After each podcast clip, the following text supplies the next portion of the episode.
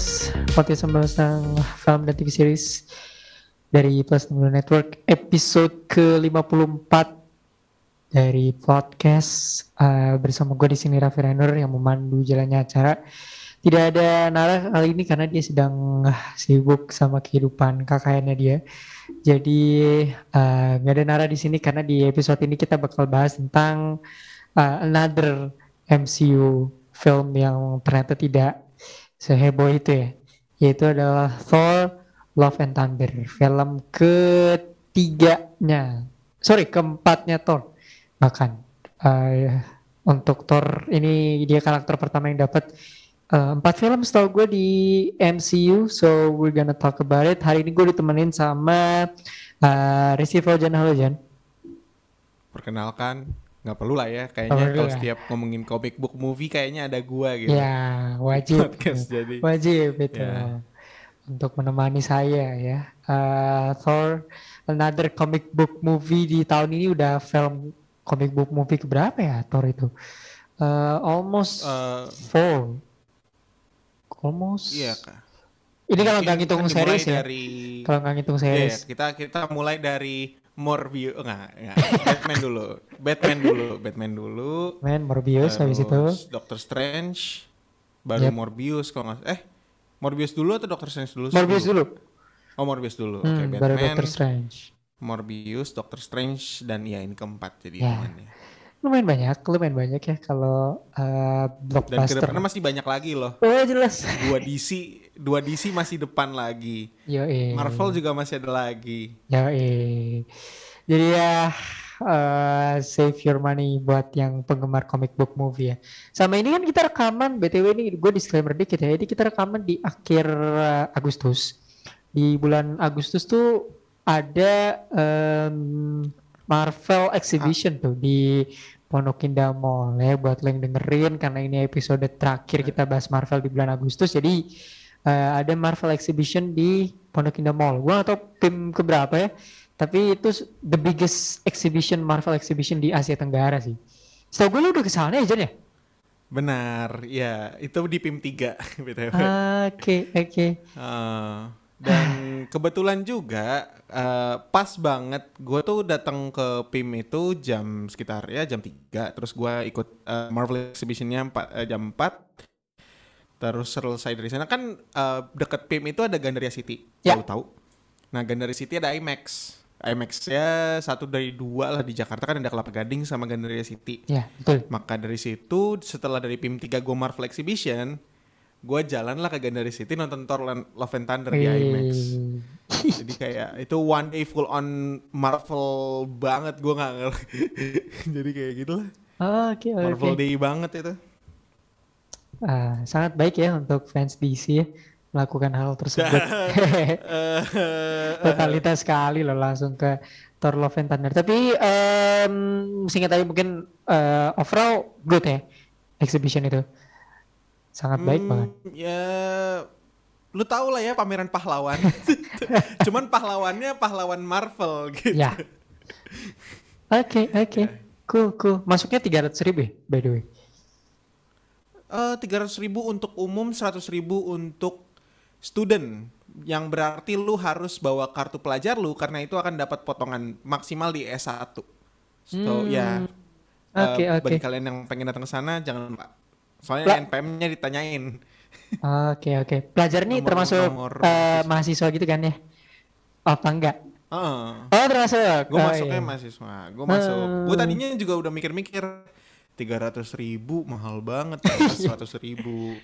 Ternyata ada student. Gue untung ngecek dulu gitu. Ternyata bisa student. Oke, sebuah informasi yang cukup baik untuk saya karena gue cukup eh, ini ya maju mundur gitu loh kalau mau ke ke sana Ah. ternyata ada studentnya jadi ya kita gas aja lah nanti di awal Agustus ya. Oke, itu tadi eh, sedikit info ya soal Marvel Exhibition nanti dia akan selesai di tanggal 23 Agustus kalau gue nggak salah. Jadi buat lo yang eh, apa ya yang pengen ke sana ini once in a lifetime experience ya ada Marvel Exhibition. Eh, langsung kita bahas tentang film yang ditonton Ojan setelah dia dari Marvel Exhibition, Thor: Love and Thunder. Eh, Ini film yang sebenarnya ditunggu orang juga enggak, tapi cukup apa ya? Cukup dinanti juga sih sebenarnya. Tapi ternyata filmnya dapat berbagai pendapat miring lah, uh, review buruk terutama di beberapa akun-akun yang film oriented gitu termasuk uh, akun-akun Marvel dan segala macam reviewnya cukup buruk gitu mengenai si Thor Love and Thunder ini. Menurut lo apakah seburuk itu uh, cerita atau apa pun uh, dari Thor Love and Thunder? What do you think? Gua rasa sih kalau reaksi ya, kalau hmm. misalnya hmm. secara uh, general konsensus kan lebih ke arah ya nggak jelek tapi mid gitu hmm. angka 50s to 60s to 70s lah ya dan gua rasa itu menurut gue personally itu penilaian yang cukup fair sih apalagi ketika retro mikirin lagi nih film kayak gimana gua rasa uh, penilaiannya cukup fair karena memang kalau kita kritis ya kalau misalnya krit kita kritik film ini banyak banget flow yang gua rasa menjadi mengganggu ketika lu pikirin cuman uh, from enjoyment factor gue personally tetap enjoy sih mm-hmm. itu sih intinya sih ya yeah, ya yeah.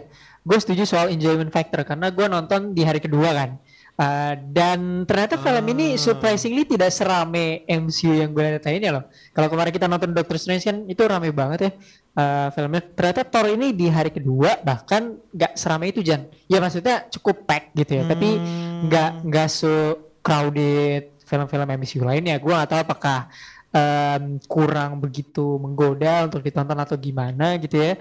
Walaupun teaser trailernya tuh nomor 4 terbanyak yang ditonton di uh, YouTube gitu sepanjang masanya MCU. Tapi ternyata filmnya menurut gue nggak cukup crowded. Tapi enjoyment factornya berasa sih maksudnya ya film MCU gitu kan ya. Bahkan gue ketika keluar dari bioskop gue tidak gue tidak berpendapat film ini jelek kayak orang lain bilang gitu.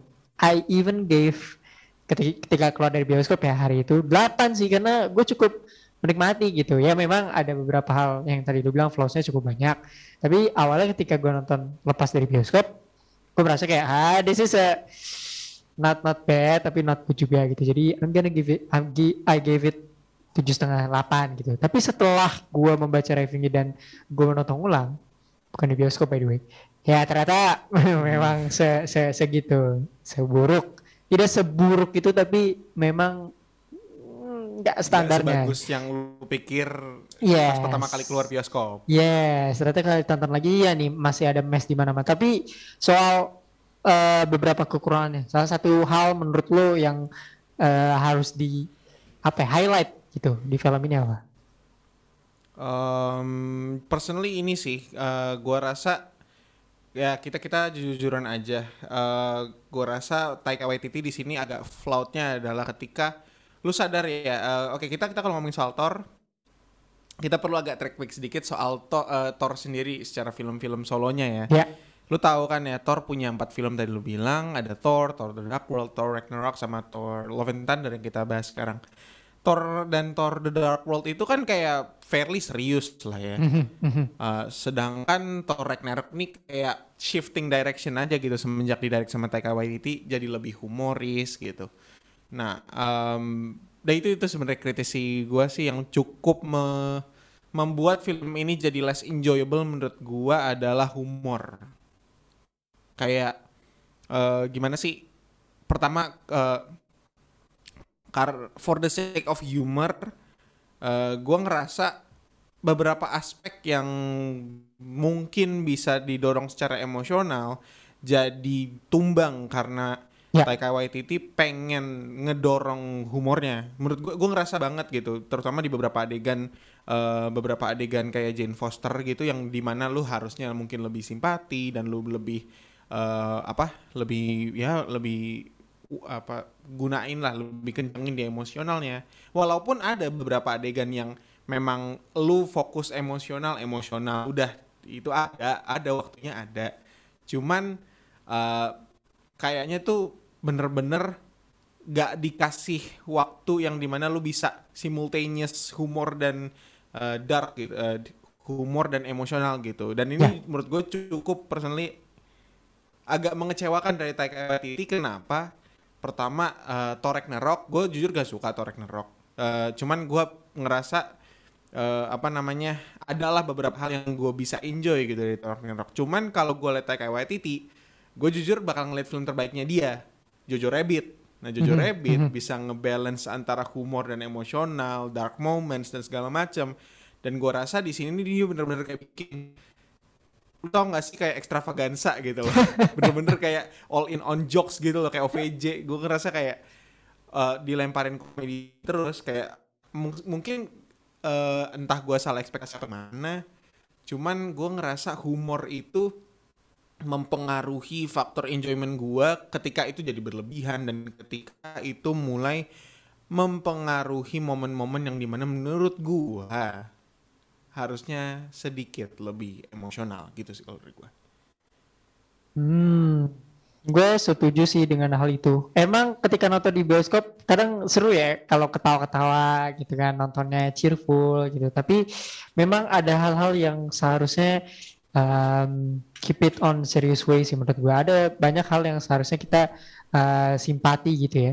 Tapi dibungkus sama jokes yang terlalu berlebihan sih menurut gue. Salah satunya itu ketika anak-anak anak-anak itu dikurung gitu ya di semacam penjaranya the God Butcher kengeriannya Bu- God Butcher tuh nggak dapat karena itu karena hal-hal yang terlalu banyak dibungkus sama jokes gitu. Soalnya menurut gua selain jokes yang menurut gua itu udah udah template-nya Marvel lah. Kayak susah lu mengharapkan film superhero yang being series gitu. Walau Thor kan banyak orang yang cukup protes karena Thor kok dewa atau salah satu A-tier superhero di Marvel kok dibuat kayak gini sih gitu. Menurut gua di luar jokes tuh mungkin apa ya?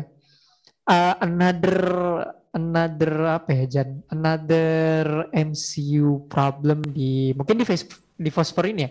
Yaitu adalah I feel like Hmm. terlalu rush gitu sih ceritanya. I don't know the plot uh, or something gitu. Gue merasa kayak uh, dari sini udah ke sini aja, udah ke sini aja, udah ke sini aja gitu. Dari aspek mana nih? Eh, I don't know, the, the plot mungkin. Menurut gue Ah. terlalu cepet aja dari sini tiba-tiba udah ke sini, udah ke sini so quick gitu. Sampai mereka ketemu Setuju. si Gar Setuju, setuju. Go- eh, si Gor ya. ah betul, betul itu. Sampai ke mereka ke Zeus sampai mereka ketemu lagi sama eh, Gore the God Butcher terus eh, sempat ada break kan antara itu gitu. Terus cepet banget gitu menurut gua. Pacing ya mungkin yang tadi lu bilang. Ini jadi masalah menurut gua dari MCU di Phase 4 sih uh, in the general gitu ya termasuk si Thor ini. Gua lagi-lagi dibikin dalam tanda kutip capek sih. Walaupun ini filmnya cepet ya, maksudnya under two hours gitu kan.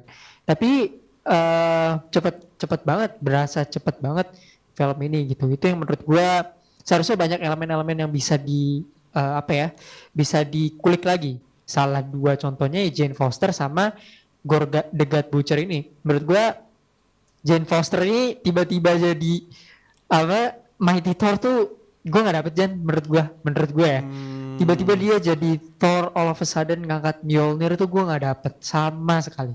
Sampai di akhir tuh menurut gua bener-bener force banget sih. Gimana si Jane Foster ini uh, berhasil menjadi Mighty Thor tuh bener-bener force dan dipaksakan banget menurut gua. Sama Gore. I think Gore ini deserve uh, apa ya menjadi villain yang menacing gitu loh. Tapi itu nggak nggak didapatkan di sini Hmm. gitu. Jadi menurut gue kayak musuh biasa yang kengeriannya tuh nggak dapet. Seharusnya kan dia ngeri banget kan di komiks gitu. Tapi nggak dapet sih. Itu itu menurut gue yang true. yang nggak dieksplor banyak. threatening ya lah ya. Heeh, nggak dieksplor banyak karena pacingnya itu kecepatan jadi nggak banyak hal yang seharusnya di tackle itu menurut gue sih cukup cukup disayangkan gitu Hmm. what do you think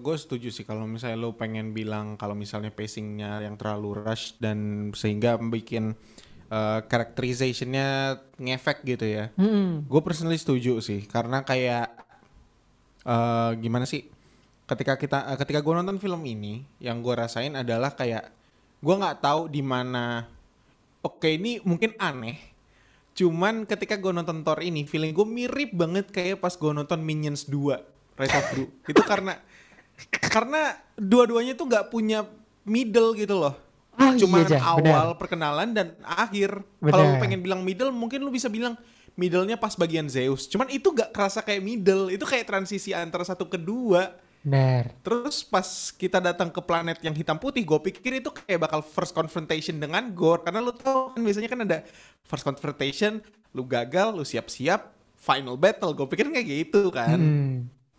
Ya basically kayak let's say Thor Ragnarok. Lu ketemu Hela dulu pertama kali, lu kalah.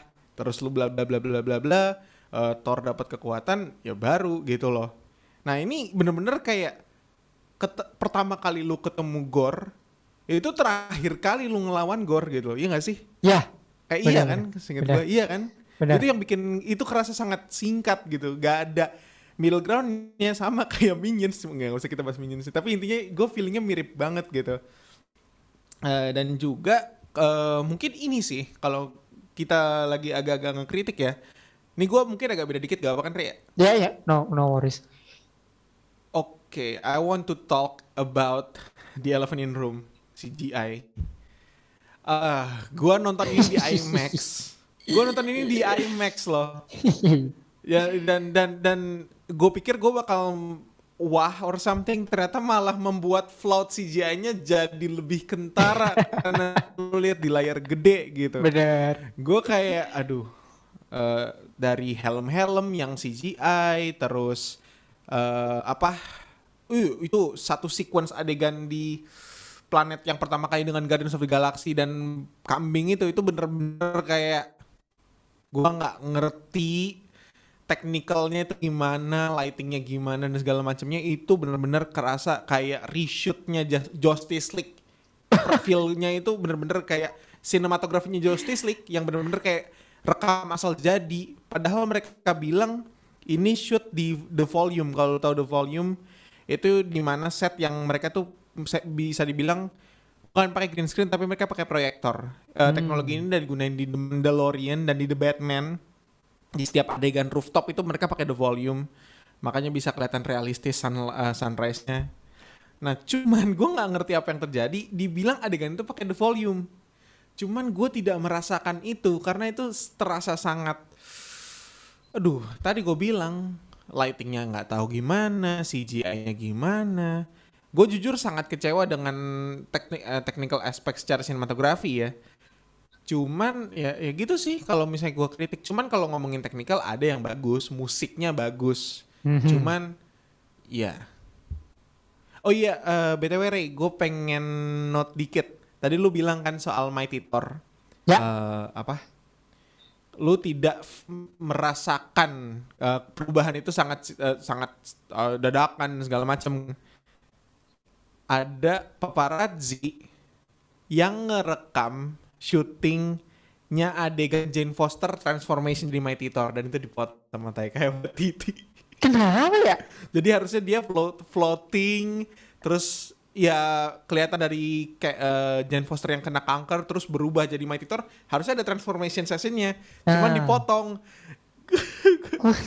ngerti kenapanya Ren. aneh sih, aneh sih. Itu pas dia berarti. Oh ya, gua gua gua tahu ini referensi yang lo maksud itu pas dia ke tempat Mjolnir pertama kali kan yang ditutup pakai gelas kaca itu kan. ya Iya, itu sih. Gue juga merasanya dia akan betul itu kan gitu kan Ya, itu kan geter-geter tuh. itu ada transformation Eh, aneh ya. Saya tiba-tiba ya udah gitu. Habis adegan itu selesai. Dia nggak muncul lagi sampai Iya. di Asgard itu. Karena gue bingung ya loh.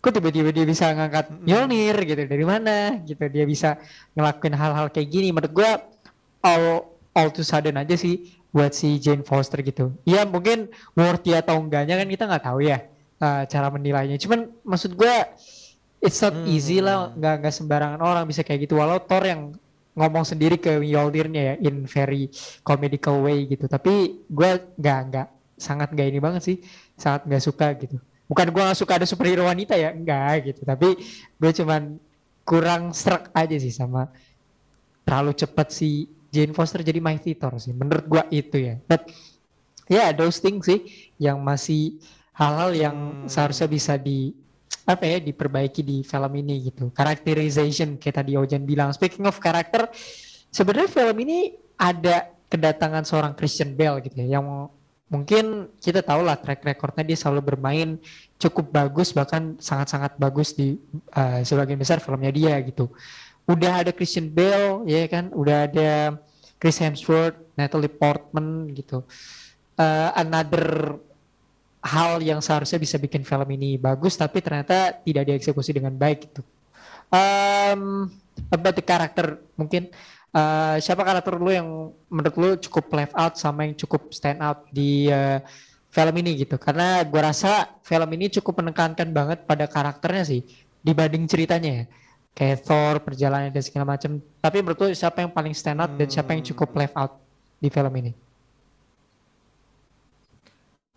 Nah, uh, lucunya adalah despite segala flow yang tadi kita ngomongin soal Mighty Thor, gue jujur merasa bahwa karakter yang paling stand out di sini adalah Natalie Portman sebagai Jane Foster. Hmm. Uh, alasannya adalah karena gue nggak tahu yang ngerasa presence-nya dia nih sepanjang film itu bener-bener enjoyable banget. Gue ngerasa setiap adegan Natalie Portman, whether dia uh, struggling sama penyakit dia, nutupin itu di balik Thor terus juga maksudnya emang presence dia tuh setiap setiap dia ada screen time tuh emang enjoyable gitu dan menurut gue makanya gue mungkin bisa bilang agak menyesal sama keputusan yang Taika Waititi lakukan terhadap uh, nasibnya si Jane Foster ya cuman uh, ya makanya sepanjang film tuh gue ngerasa waktu ada dengan Mighty Thor wah gue nontonnya enjoy gitu dibandingkan kalau nonton pas bagian Thor Hmm. Karena aduh, karakter oke gini deh.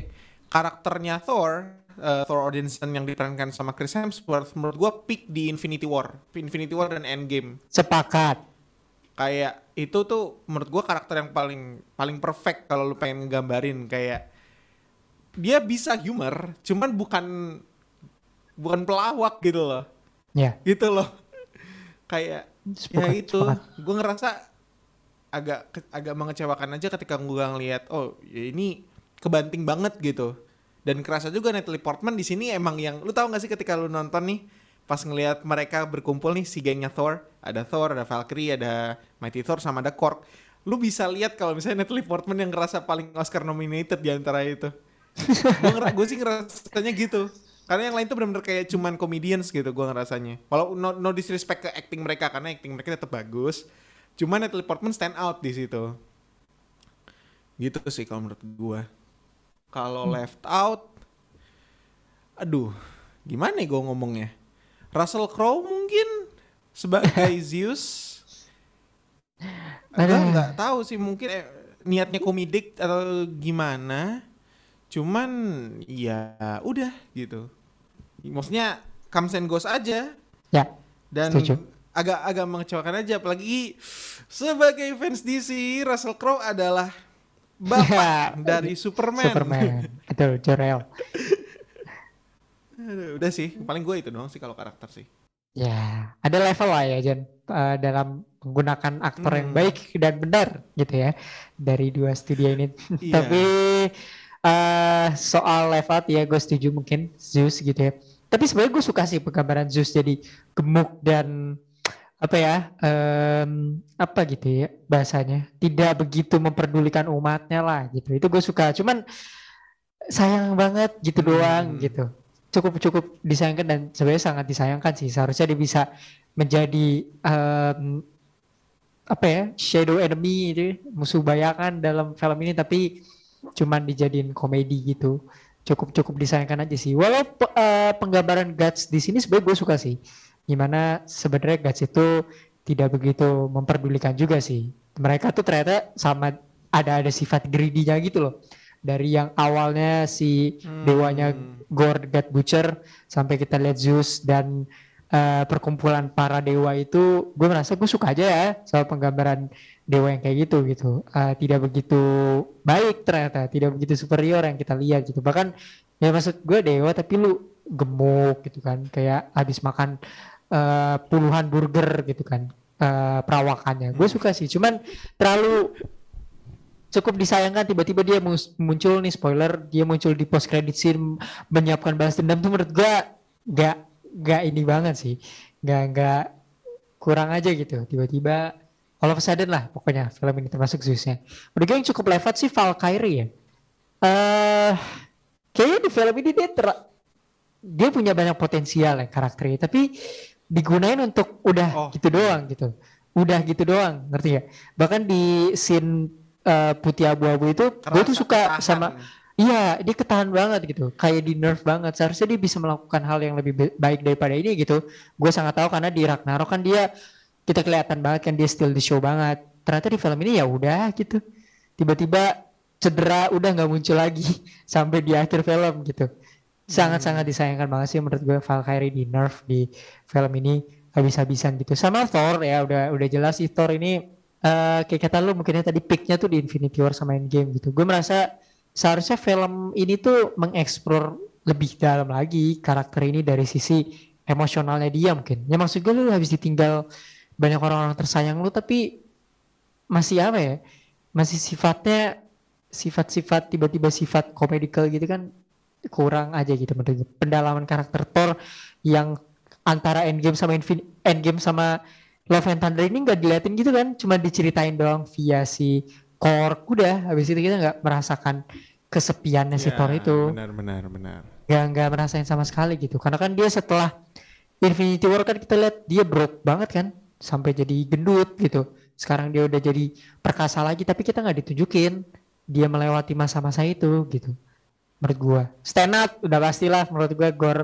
Eh, cuman sayang banget dia ini again karena filmnya saat buru-buru ya tiba-tiba dia punya necrosword tuh gue nggak gue nggak nggak masuk di otak gue gitu loh. Kenapa dia bisa dapat kayak gitu? Itu itu bagi gue orang yang pengen dijelasin segala halnya itu eh gue nggak dapet. Terus Gak puas. Ya. nggak nggak puas gue sama Gore I mean Christian Bale man one of my favorite actor.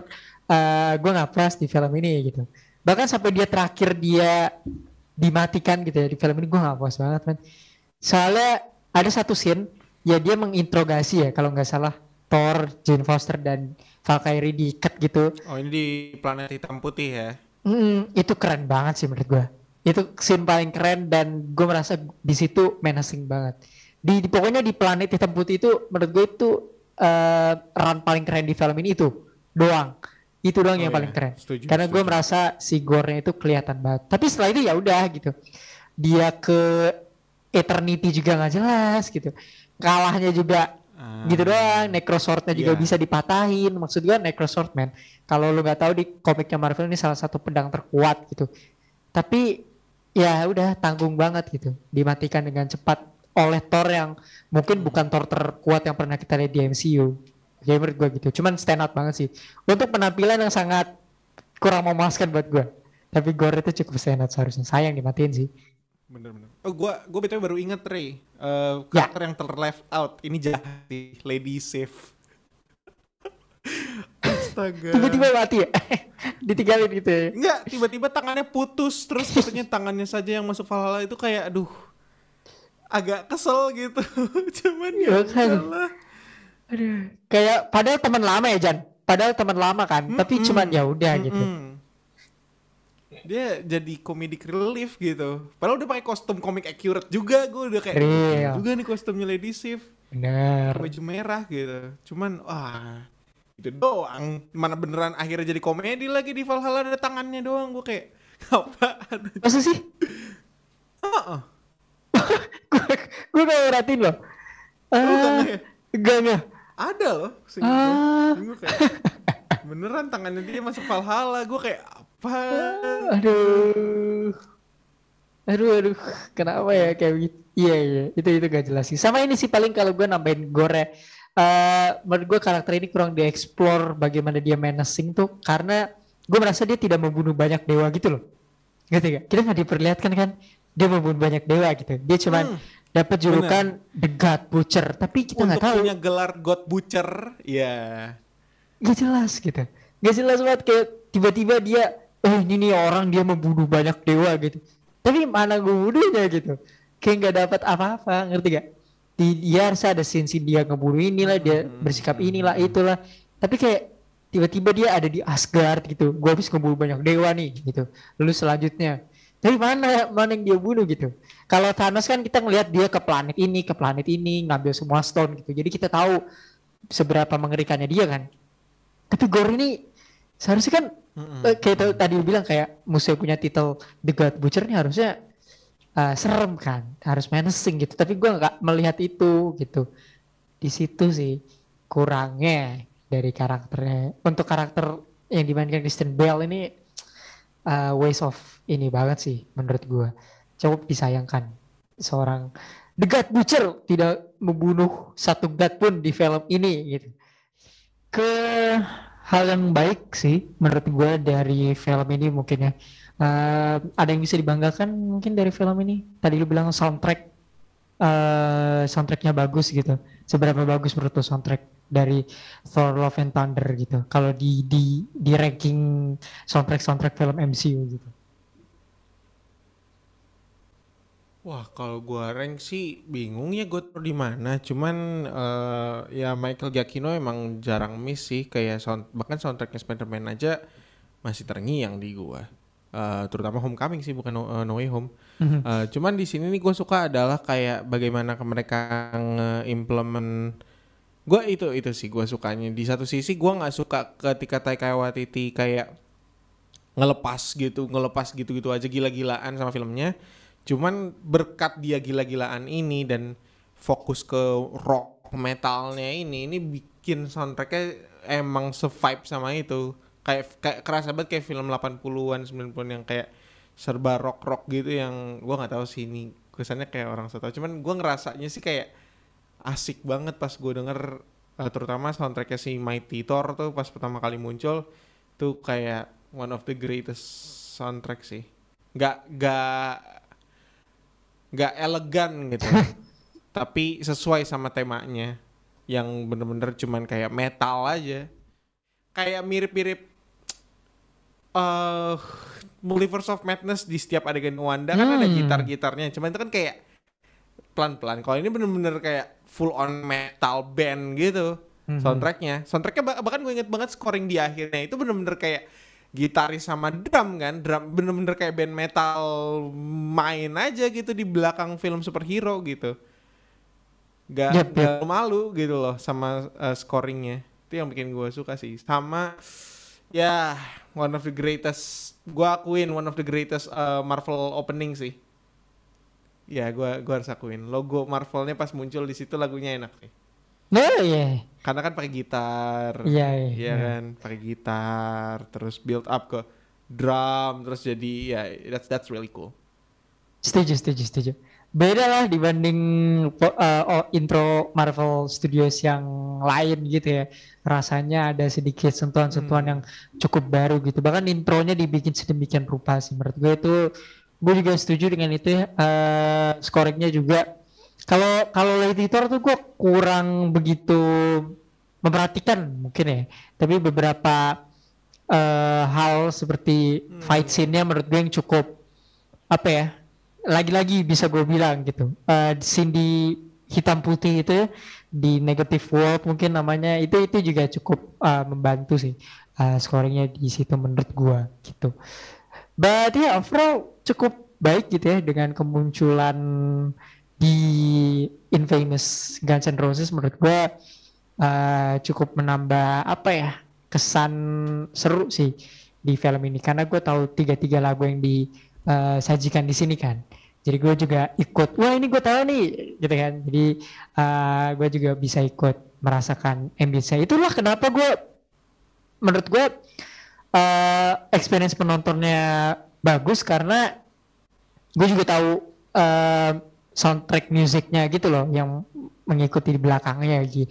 Jadi gue suka. Sama kayak tadi kan lu kasih perbandingan ini ya eh, Minions Rise of Gru ya. Eh, itu juga Oh, ada iya. beberapa eh, soundtrack musik yang gue tahu gitu. Jadi gue eh, experience penonton dua film ini Thor dan Minions itu bagus karena gue tahu gitu eh music soundtracknya gitu. Itu membantu gue sih karena ini memang menurut gue salah satu hal yang cukup baik eh, mereka menghadirkan Guns N' Roses di sini.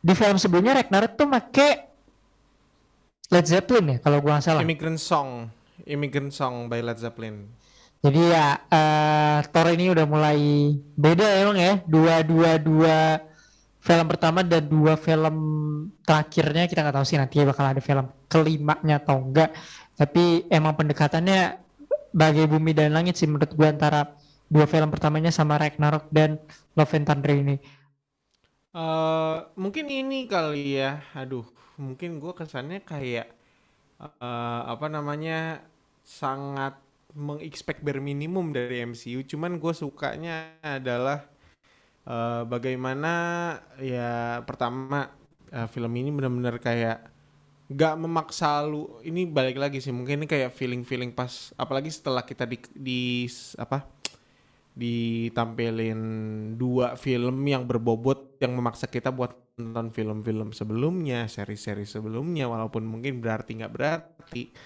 Uh, cuman uh, melihat nonton film Thor yang lanjutan dari Avengers Endgame, tapi nggak memaksa kita buat nonton film-film apa-apa. Cuman lu, yang penting lu tahu knowledge lu soal MCU. Menurut gue ini uh, ya salah satu hal yang bisa gue appreciate gitu. Dan walaupun begitu, uh, Taika tetap tidak malu untuk apa namanya ngetis buat selanjutnya. Uh, ya akan gua gua akan bahas soal post credit scene gua. Jujur seneng sama post credit scene-nya ketika dimunculin Hercules. Karena memang Hercules itu salah satu karakter yang gue tungguin banget di Marvel karena memang gue suka dia di uh, mana? Gue suka karakter Hercules di komik. Gue baca-baca sedikit dan gue suka gitu. Dan uh, keputusan uh, keputusan mereka untuk ngecast gue lupa namanya Brad Gold Brad Goldstein I think ya yeah. ya yeah, Brad Goldstein sebagai mm -hmm. Hercules gue langsung kayak oh ya ini perfect casting uh, mungkin lu tahu dia dari mana terkenalnya bagi kalian yang belum tahu dia adalah Roy fucking dia Roy fucking Kent di Ted Lasso Uh, ah. watch by the way. Oke okay, oke. Okay. dia kaptennya dia kaptennya timnya Ted hmm. Lasso. Jadi pas gue lihat oh Roy Kent jadi Hercules, gue langsung kayak oke. Okay. Gue gua vibing sama ininya sih. Dan memang dia charming juga. Makanya gue gue pas lihat oh Hercules bakal tampil dan apa namanya dan di peran sama dia gue senang. Dan juga mungkin gue suka uh, approach ya eh baik lagi sih. Ini mungkin baik ke karakter lagi. Gue suka ke Gor tuh apa sih perkenalannya tuh bikin kita sedikit simpati sama karakternya kayak sepanjang film gitu. Walaupun ya pada akhirnya jadi sia-sia karena ya lu nggak ngeliat apa-apa cuma tahu origin depan-depannya kan lu dikasih kayak apa sih Gor kehausan nolongin gue suka opening itu. Yeah. jujur gue suka Walaupun mungkin orang banyak yang nggak suka karena ah kok openingnya pelan gitu. Cuman membuka film dengan kayak gitu menurut gue lebih mendingan daripada membuka film dengan bombardir ala ala Multiverse of Madness. Waduh. Kalau gue personally sih gue ngerasanya kayak gitu. Sepakat. Gitu sih. Oke. Okay. Gitu okay. sih. Alright, alright. Uh, setuju juga di scene awalnya itu ya. Um, ini ini menurut gue aja ya Jan. Menurut gue scene awal Gore the Butcher itu masuk sampai dia dapat Necrosword dan menuju scene-scene setelah itu kayak dua film yang berbeda gak sih? Mm. Menurut gue ya itu gue gak tahu rasanya kayak oh, different yeah. aja. Menurut yeah. gue rasanya sangat sangat sangat sangat different gitu. Menurut gue karena uh, eh, MCU jarang sih mulai dengan cukup slow gitu ya, selalu mulai dengan dar dar dor atau uh, hal yang terjadi di film sebelumnya disajikan di film ini dan di Love and Thunder ini bagus bagus aja gitu intronya menurut gue uh, opening scene terutama in particular Gore the Butcher sih menurut gue oke. Okay. cuman ya baik lagi we cannot uh, judge setelah kita nonton filmnya full gitu. Tapi menurut gue beda aja gitu. Uh, opening scene yang terjadi sampai dia dapat Necrosword sama keseluruhan filmnya menurut gue kayak dua film yang berbeda I guess it's my opinion though uh, soal post credit scene karena gue sangat minim ya. Soal dunianya Thor dan segala macamnya. Jadi menurut gue ini mengindikasikan sesuatu ke depannya walaupun gue nggak tahu akan seperti apa ya. Karena dengan adanya post credit ini kita tahu dan cukup mengonfirmasi bahwa Thor will be return kan dengan Hercules lagi sebagai mungkin arc nemesisnya ke depannya. Tapi Hmm. melihat dari phase 5 dan 6 tuh gue agak bingung sih Thor akan eh, dibawa ke mana gitu ke depannya.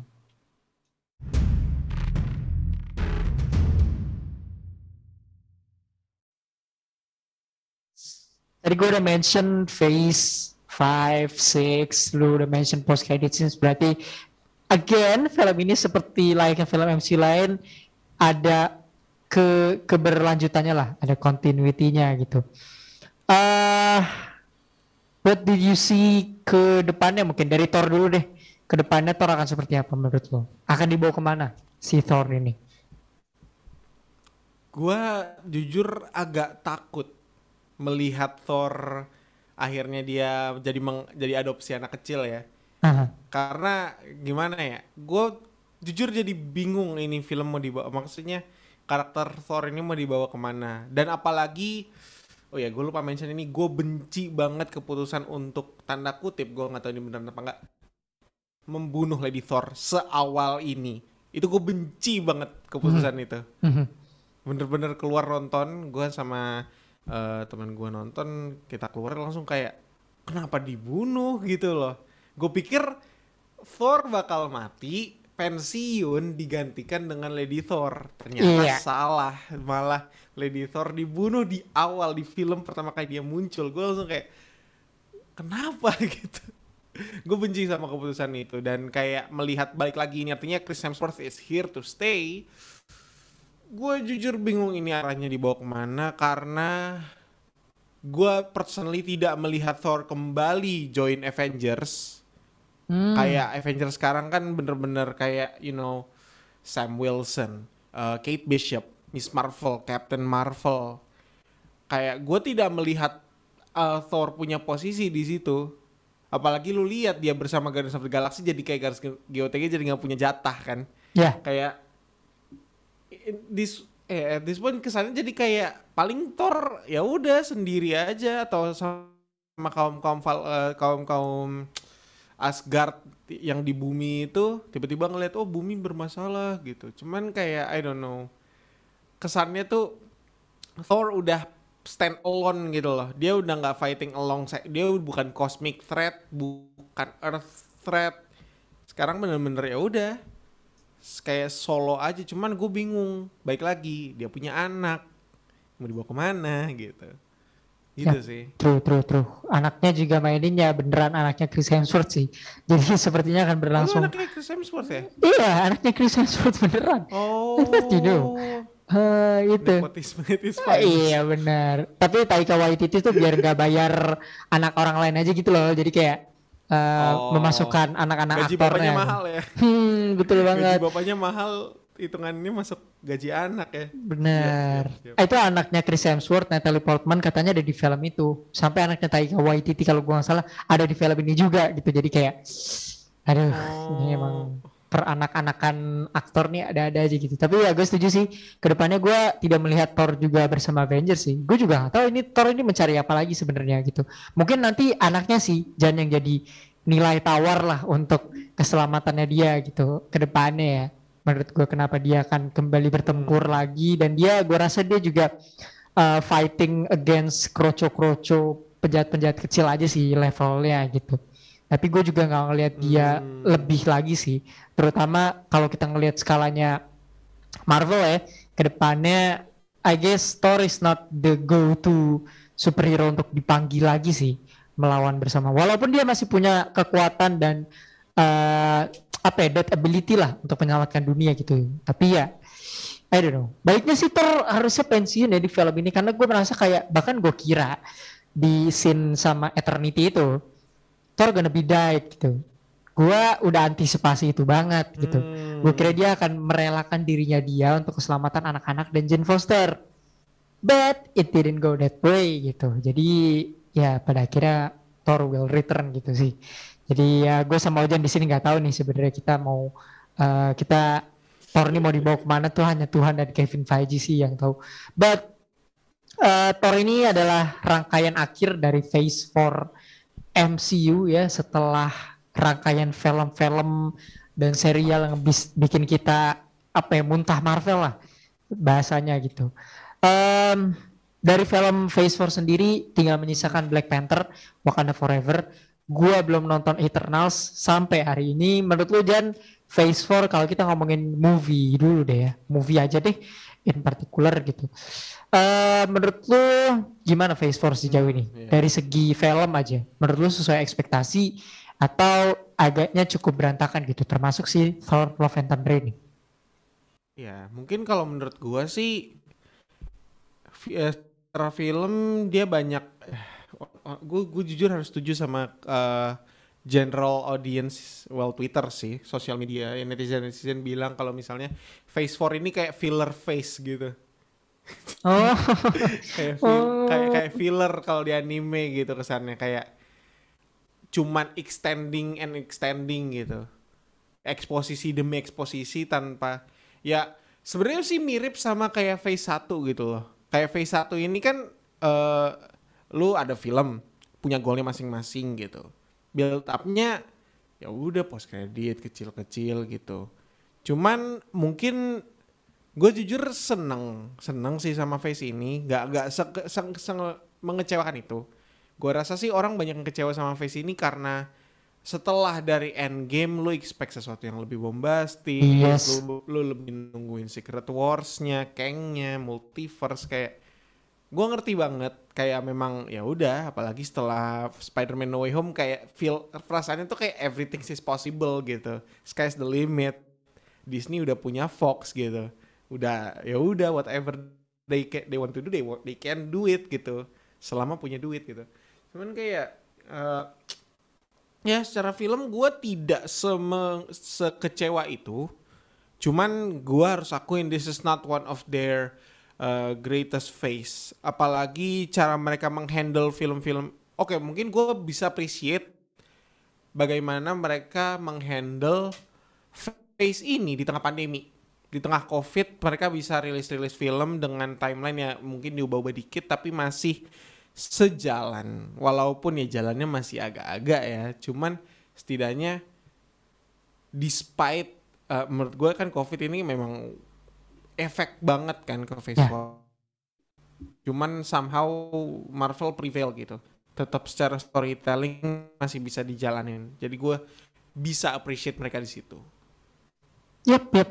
I had to agree, terutama di statement terakhir ya. Uh, mereka masih bisa menyediakan yang memang seharusnya mereka udah sediakan ketika COVID attacks gitu kan.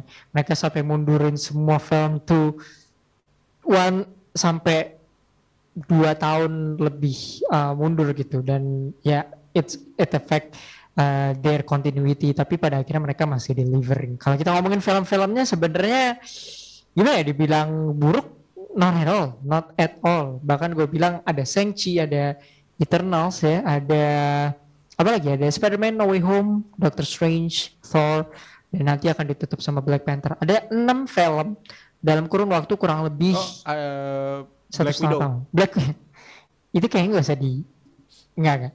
Eh, dalam kurun waktu satu setengah tahun tuh ada tujuh film. Mohon maaf ya Black Widow. Jadi Nah, ya out of this seven film gue cukup tidak apa ya tidak ada film yang bener-bener menggugah mata gue selain Shang-Chi sih menurut gue gitu jadi ya it's tough to grade to judge what uh, mereka udah sejauh ini gitu. Tapi kalau apa yang lu expect setelah Infinity Saga sih ini agak let down sih Jan menurut gue ya. Uh, kalau kita ngomongin filmnya aja gitu. Hmm, menurut gua continuity-nya ini masih abu-abu dari film-film yang uh, tersedia gitu. Dan gue setuju soal filler face itu itu gue setuju banget sih. Karena ke depannya itu I don't know bahkan serialnya kayaknya punya impact yang lebih besar sih daripada film-filmnya di Phase 4 ini menurut gue ya. serialnya lebih menarik dari segi continuity dan segala macam aspek untuk Phase 4 gue rasa serialnya lebih baik dibandingkan filmnya sih I think soal serialnya nanti akan kita bahas ke depannya hmm. setelah Black Panther atau sebelum Black Panther tapi menurut gue itu serialnya delivering dibandingkan filmnya menurut gue Aduh. but ya regardless eh berapa skor yang akan lu kasih kepada Thor Love and Thunder out of 10?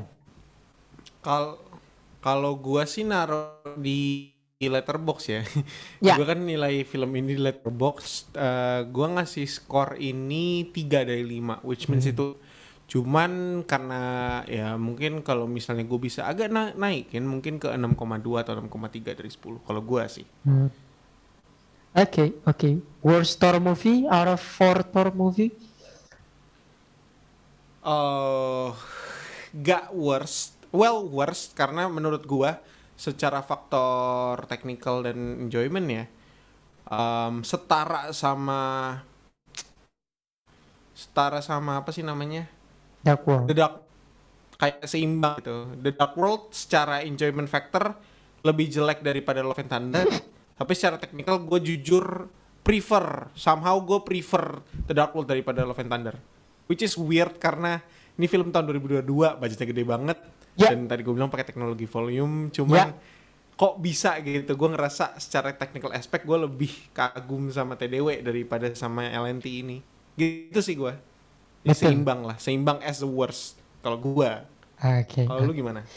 Eh, technical aspeknya kalah sama film yang keluar 9 tahun yang lalu ya. it's, it's a bit weird gitu. Oke, eh, gue akan kasih awalnya tuh untung sih nggak ada yang quote on quote menghujat gue yang ngasih 8 terlalu gede awalnya.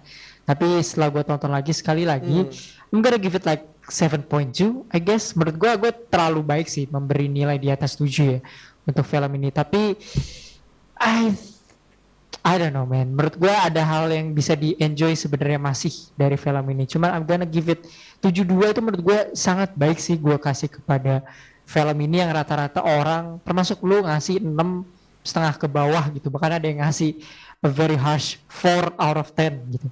Jadi menurut gue 72 kayaknya gue orang terbaik yang ngasih skor untuk Love and Thunder sih. 72 7,2 out of 10 sih. Cuman ya banyak mess tapi banyak hal yang sebenarnya masih bisa di enjoy sih. Kalau lu orangnya nonton film untuk ceritanya ya jelas ini bukan untuk lu sih termasuk gua gitu. Tapi enjoyable factornya menurut gua cukup membantu uh, menaikkan skor di film ini menurut gua gitu. Apalagi gua nonton di bioskop gitu. Jadi kayaknya point of view gua agak ada yang berbeda dibandingkan uh, banyak orang kebanyakan sih. Oke, thank you for listening episode 54. Uh, kita akan kembali di The Weekly edisi San Diego Comic Con di mana kita udah dengar banyak berita tentang Marvel Cinematic Universe Phase 5, Phase 6, DC trailer dan segala macam. So we're gonna talk about it di akhir pekan ini di akhir bulan Juli termasuk episode 55 The Throwback ada episode Toy Story dan episode 56 kita bakal ngebahas film multiverse terbaik di tahun ini yaitu Everywhere Every Every Everywhere Every Time All at Once. Susah ya? Gitu yang judulnya. See you guys in the next episode and cheers.